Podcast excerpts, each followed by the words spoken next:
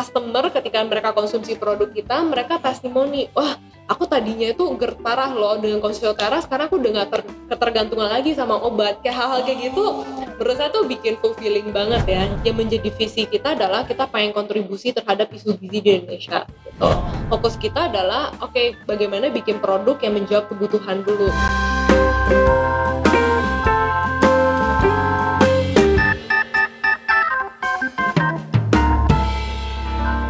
DKK Talks. Halo kawan-kawan, selamat datang di DKK Talks, program yang membahas seputar dunia bisnis dan inovasi yang akan mengulik lebih dalam pengetahuan, pengalaman, tantangan dari narasumber-narasumber luar biasa di setiap episodenya. Nah, untuk episode kali ini, kita akan membahas tentang inovasi yang dihadirkan oleh Otera, yaitu ready to drink meal ala Otera, rahasia hidup sehat yang praktis.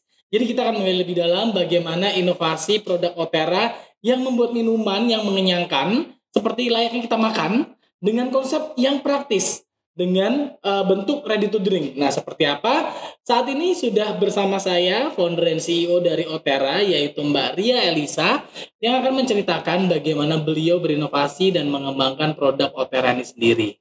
Halo Mbak Ria. Halo Mas Reza, apa kabar? Thank you. Kabar baik Mbak Ria, apa kabar?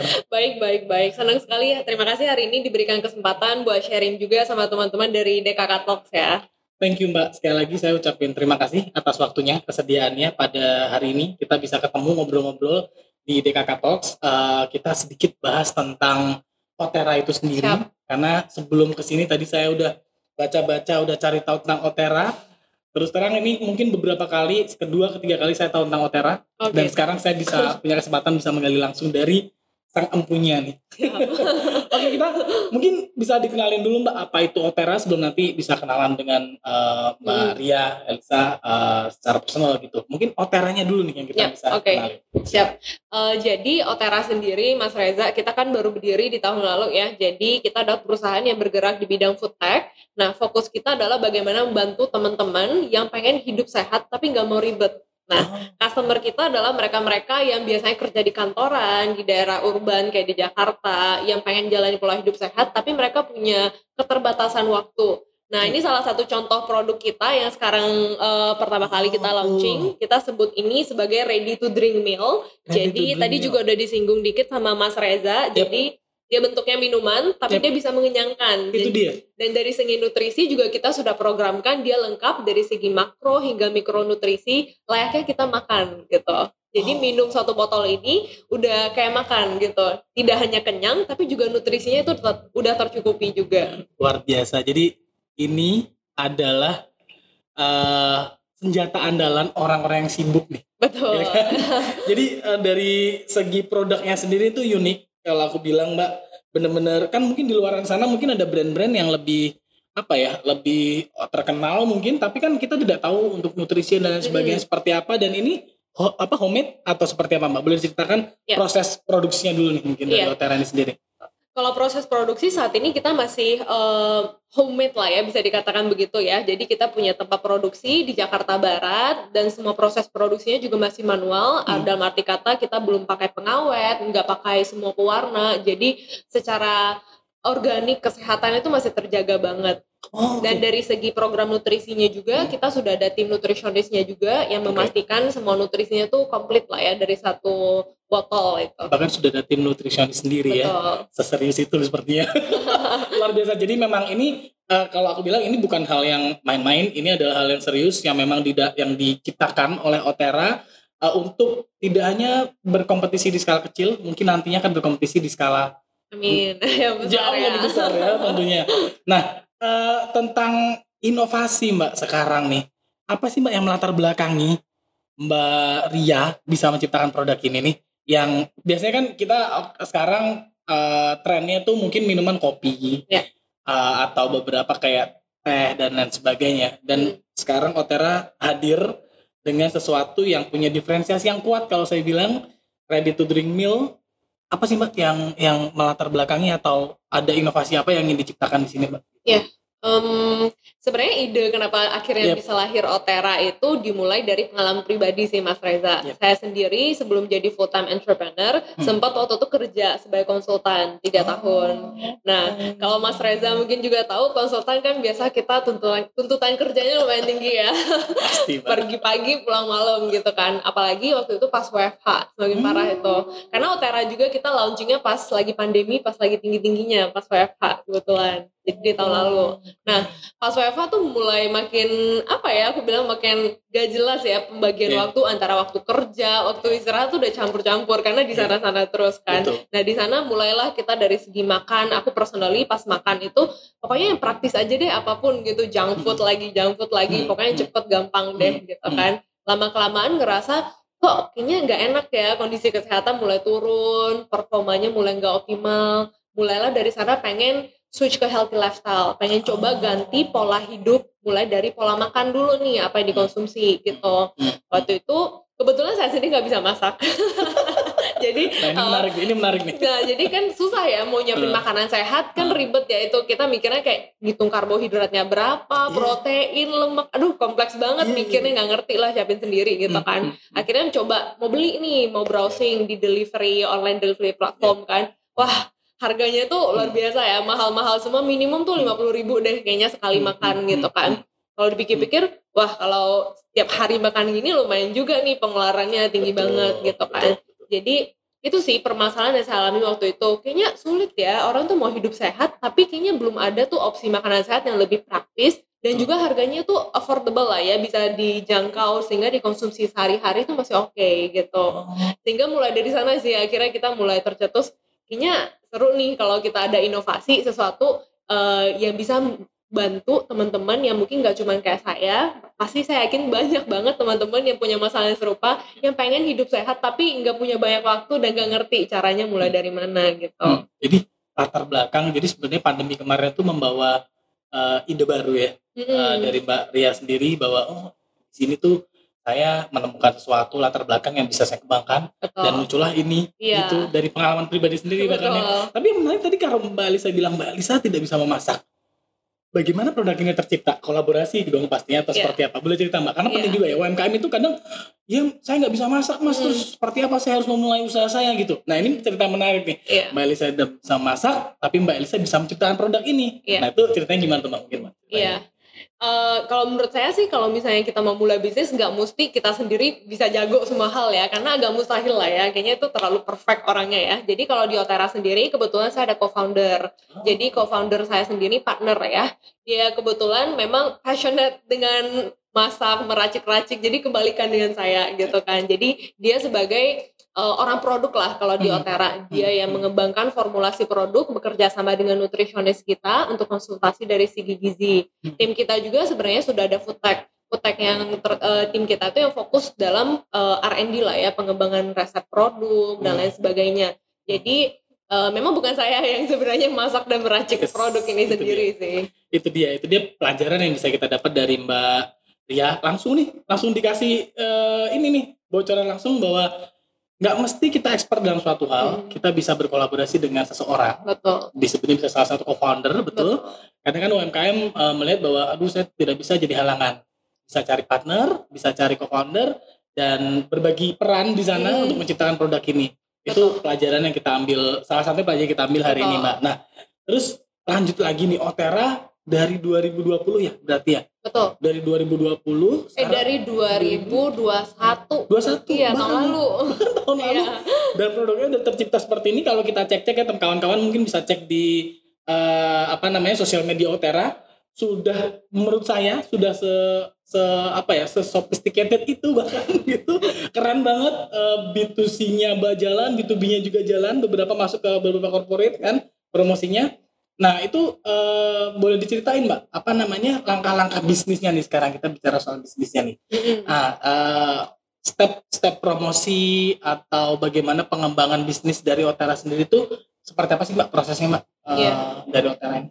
Oke, mungkin eh, kalau aku boleh cerita, aku pengen cerita dari awal itu sebenarnya kita mulainya juga eh, humble banget ya. Jadi dari kecil gitu berprogres pelan-pelan. Dari awal fokus kita adalah oke okay, bagaimana bikin produk yang menjawab kebutuhan dulu gitu kan. Yeah. Nah, kita bikin yang namanya MVP ya kalau bahasa Betul. kerennya ya, MVP. minimum viable yeah. product. Yeah. Jadi produk kita pertama kali launching nggak kayak gini, packaging kita juga nggak seperti ini. Ini yeah. udah mengalami beberapa kali iterasi lah gitu. Okay. Pertama kali pokoknya kita fokus dulu oke okay, kita pengen bikin premisnya adalah pengen bikin produk yang sehat, bisa hmm. ngenyangin sehingga bisa bantuin orang-orang yang pengen ganti pola hidup sehat dengan lebih mudah. Ya udah kita fokusnya bikin produk yang oke okay, gimana produk ini uh, secara kandungan gizi baik, hmm. tapi juga bisa ngenyangin gitu. Nah di sana kurang lebih enam bulan kita proses uh, eh, R&D produk dan lain sebagainya. Packaging waktu itu juga belum segini. Yang penting oh. oke okay, looks good aja gitu okay. kan. Yang penting proper lah ya. Jadi yeah, kalau yeah. di instastoryin gak malu-maluin gitu. tapi belum serapi ini juga okay. gitu kan. Tapi ya udah fokus kita menurut saya kalau teman-teman kalau mau mulai bisnis mikirnya oke okay, dari awal aku harus bikinnya super bagus. Itu bakal lama banget kita oh, launchingnya. oh, sebenarnya menurut saya mindset yang harusnya sebenarnya adalah oke okay, nggak apa-apa yang penting ada MVP dulu produknya ada bentuknya dulu dikeluarin aja dulu ke pasar. Hmm. nanti dari sana kan kita terima feedback ya dari customer. Dari sana juga tiap kali dapat feedback itu Otera terus berinovasi berkembang sampai sekarang hmm. gitu. Nah ngejawab pertanyaan Mas Reza tadi gimana sekarang strategi bisnis kita yeah. memang dari awal-awal tuh kita banyak fokusnya tuh di sosial media dulu di sosial hmm. media kita fokus ke B2C kita hmm. nah lama-lama mulai terbentuk uh, social media presence kita lebih kuat pelan-pelan orang oh iya pernah dengar Otera nah kita mulai uh, nambah lah ya eh, channel distribusi kita ke B2B juga. Jadi nggak dari awal kita langsung kayak oh B2C iya, B2B iya. Oh. Karena dari awal juga tim kita kan masih kecil ya. Namanya kita juga mulai seperti UMKM ya. Hmm. Jadi hmm. tim kita kecil, kita harus milih fokus sih biar nggak hmm. kayak hmm. semuanya pengen malah semuanya nggak kepegang hmm. gitu. Hmm. Nah, kalau uh, kita bicara soal B2C, kawan-kawan yang mungkin sedang mendengarkan di Kakatos atau penonton di Kakatos di YouTube bisa dapat orderannya di mana, Mbak? Hmm, kalau B2C sendiri kita tuh udah ada di semua e-commerce. Jadi Tokopedia, Shopee, Blibli, bahkan teman-teman kalau uh, langsung DM kita di Instagram juga bisa, WhatsApp kita juga bisa. Oh, itu langsung prosesnya memang langsung touch ke customer langsung, iya. langsung dari Otara langsung. Betul. Wow, sangat personal ya. Keren banget. Nah, kalau untuk variannya sendiri Mbak, sekarang varian Otera tuh ada apa aja sih Mbak? Hmm, sebenarnya kalau sekarang itu kita udah ada lima varian permanen sama hmm. satu varian seasonal ya. Jadi nah. salah satu bagian dari strategi marketing juga hmm. kita sering ngadain kolaborasi launching menu seasonal gitu yeah. bersama dengan KOL. Nah sekarang hmm. kebetulan kita lagi ada kolaborasi juga dengan salah satu KOL hmm. launching namanya menunya teh tarik rasa teh tarik itu edisi terbatas. Tapi secara yang permanen kita ada lima. Cuman kebetulan hari ini saya coba bawa tiga gitu kan kan ada original coklat matcha tiramisu sama yang rasa tropical fruit fruity nah menentukan rasa-rasa itu uh, ada riset kah atau hmm. seperti apa sih mbak uh, kalau di beberapa uh, episode sebelumnya kita sempat kedatangan uh, mbak Tari Sukma dari Heju dia melakukan uh, riset and development juga untuk menentukan varian baru. Ya. Nah, kalau di Otera sendiri gimana, Mbak?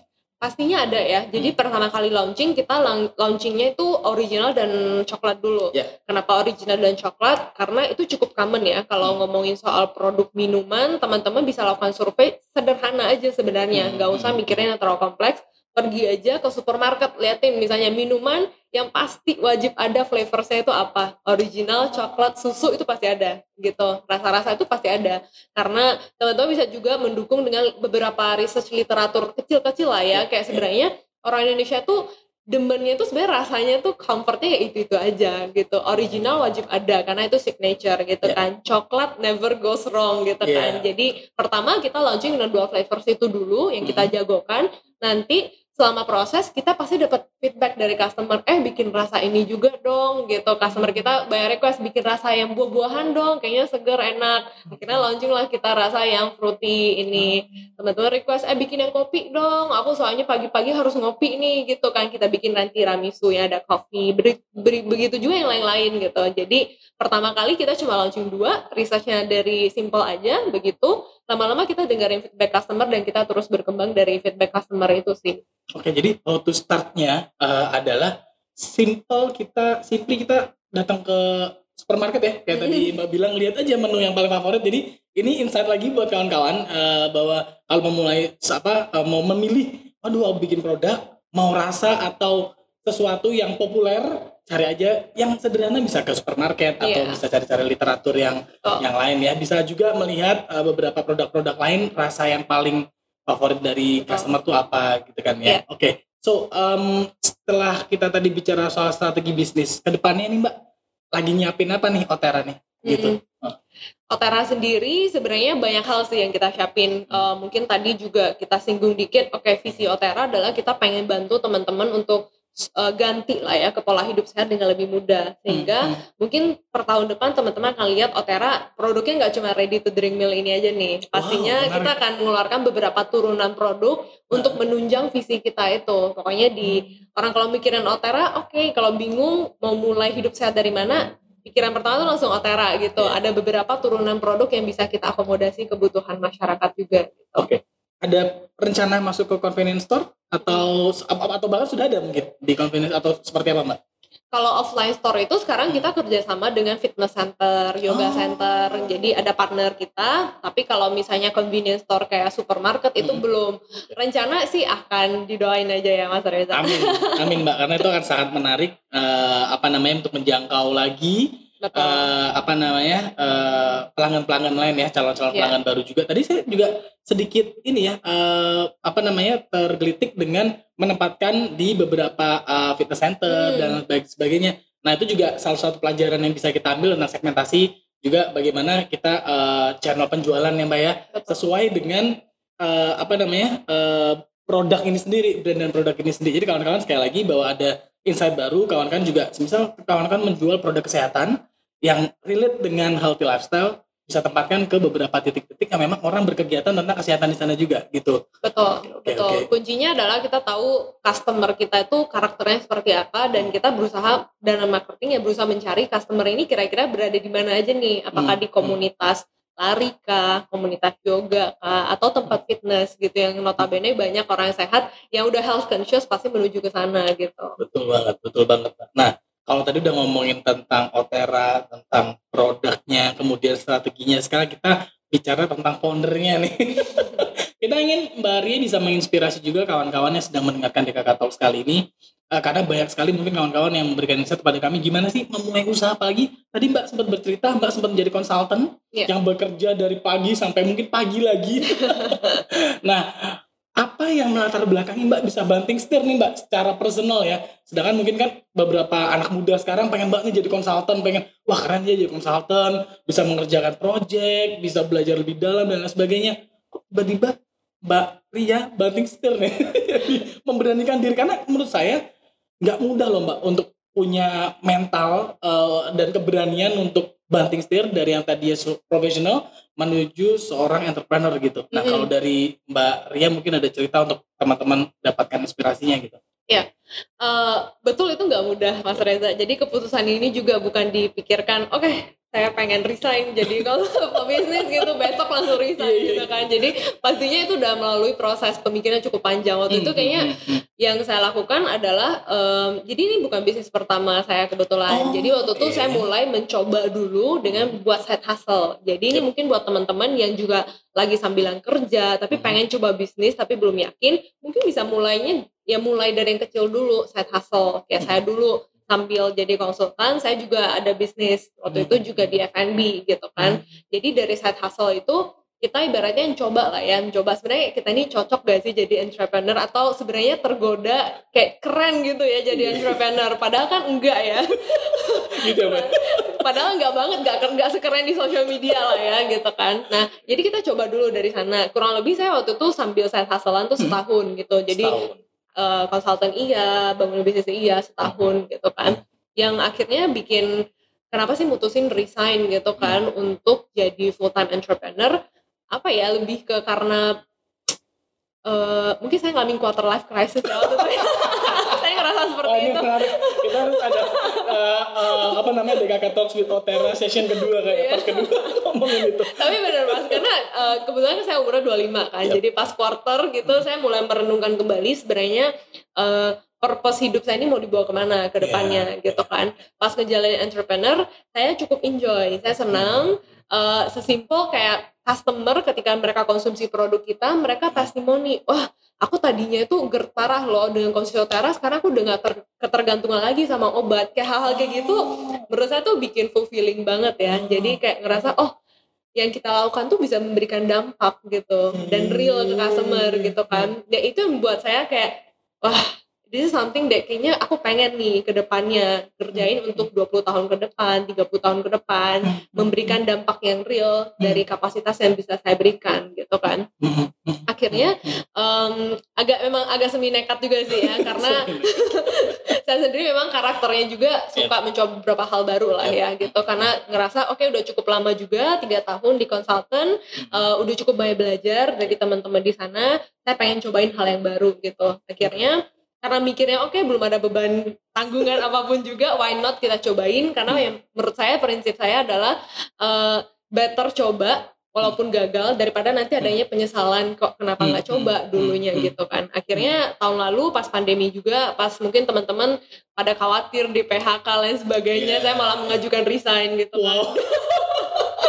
agak nekat sih tapi ya saya bersyukur sampai sejauh ini juga setahun ngejalanin bisnis ini memang prosesnya tuh nggak mulus sih. Bahkan bisa dikatakan nggak nggak pernah mulus gitu kan. Yeah. tapi justru banyak sekali pembelajarannya sih Mas Reza. Menurut yeah. saya itu yang berharga sih. Nah itu tadi Mbak. Uh, apa namanya? Sebuah keberanian ya kan? Uh, tapi uh, nggak nggak mudah ya untuk seorang profesional beralih ke uh, entrepreneur gitu punya kenekatan yang luar biasa di quarter life crisis juga salah satunya. Tapi yang mungkin selalu saya tanyakan di episode di episode sebelumnya juga saya tanyakan kalau kita melihat Otera sekarang sudah berkembang, sudah uh, menjadi sebuah brand yang cukup dikenal dan diperhitungkan juga di apa namanya di industri ini ada gagalnya juga dong pasti Mbak. Hmm. Ada kendala, ada sesuatu tembok besar di depan Mbak Ria yang harus ditabrak. Nah, itu seperti apa Mbak? Kawan kan ingin tidak hanya lihat suksesnya aja nih, bagaimana Mbak bisa mengatasi eh, kegagalan itu, bisa mengatasi hal-hal sulit melalui masa-masa sulit dalam membangun Otera ini. Oke, okay. sebenarnya Otera kan masih sangat muda ya. Saya bakal mengatakan kalau di industri bisnis lima tahun aja tuh sebenarnya masih muda, apalagi kita baru setahun. Jadi kalau dibilang cerita suksesnya, mungkin saya justru lebih banyak cerita susahnya oh, gitu kan.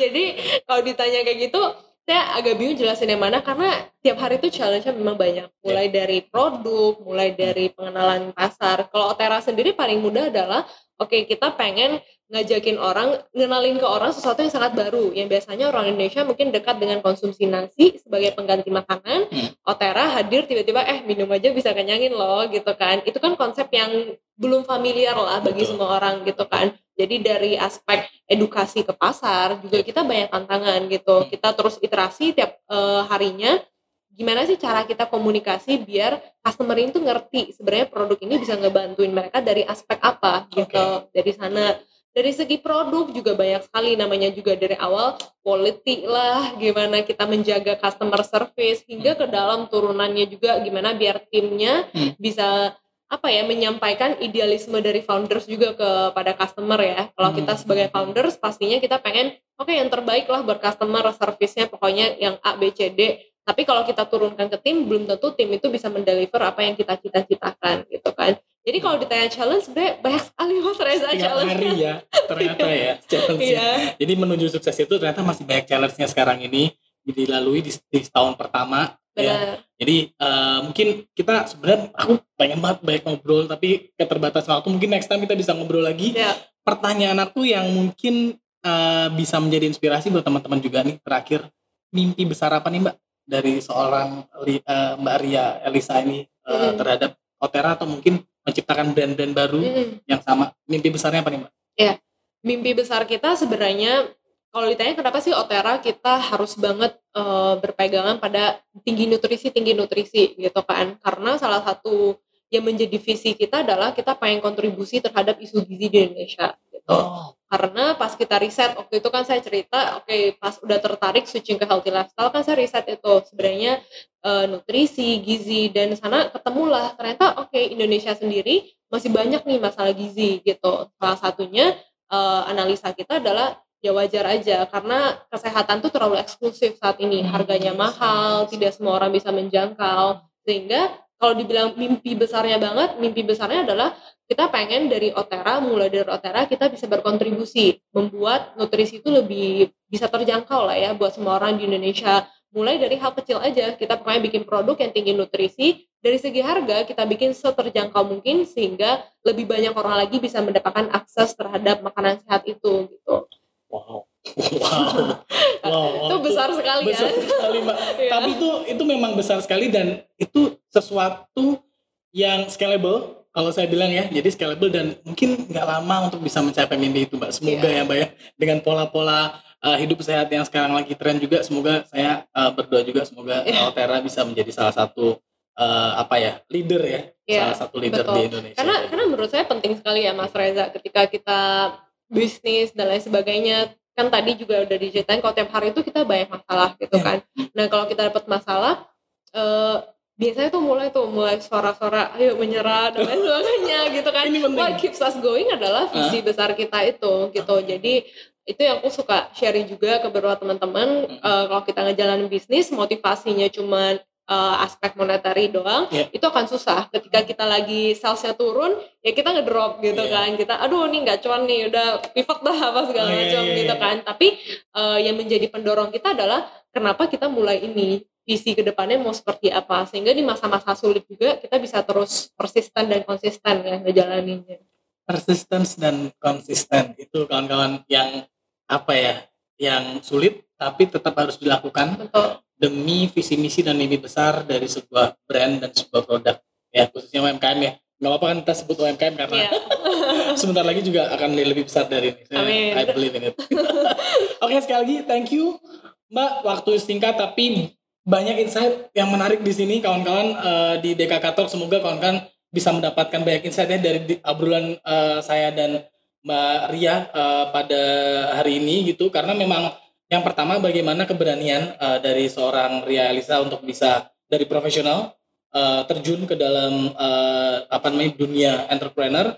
Dan itu tidak serta merta karena sebuah kenekatan. Semua dilewati dengan proses. Tadi set hustle Mbak eh, Ria berproses dulu eh, trying dulu eh, trial beberapa kali dan sebagainya. Akhirnya memberanikan diri terjun langsung ke eh, apa namanya ke eh, dunia entrepreneur menciptakan sebuah produk.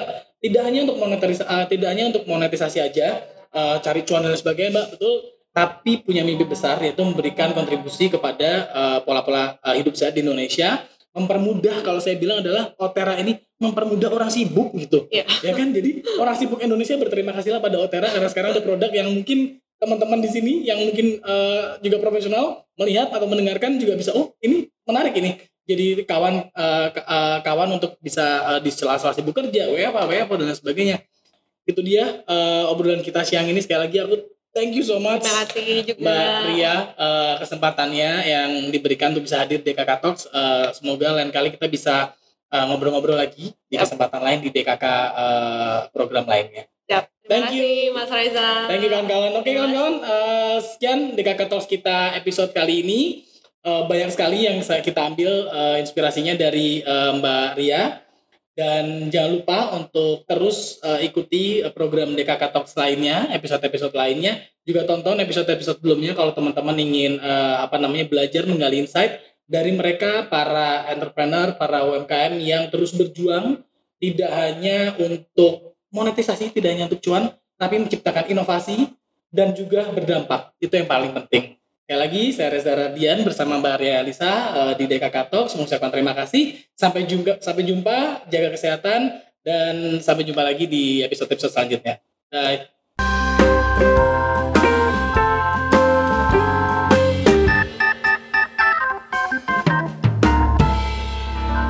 DKK Talks.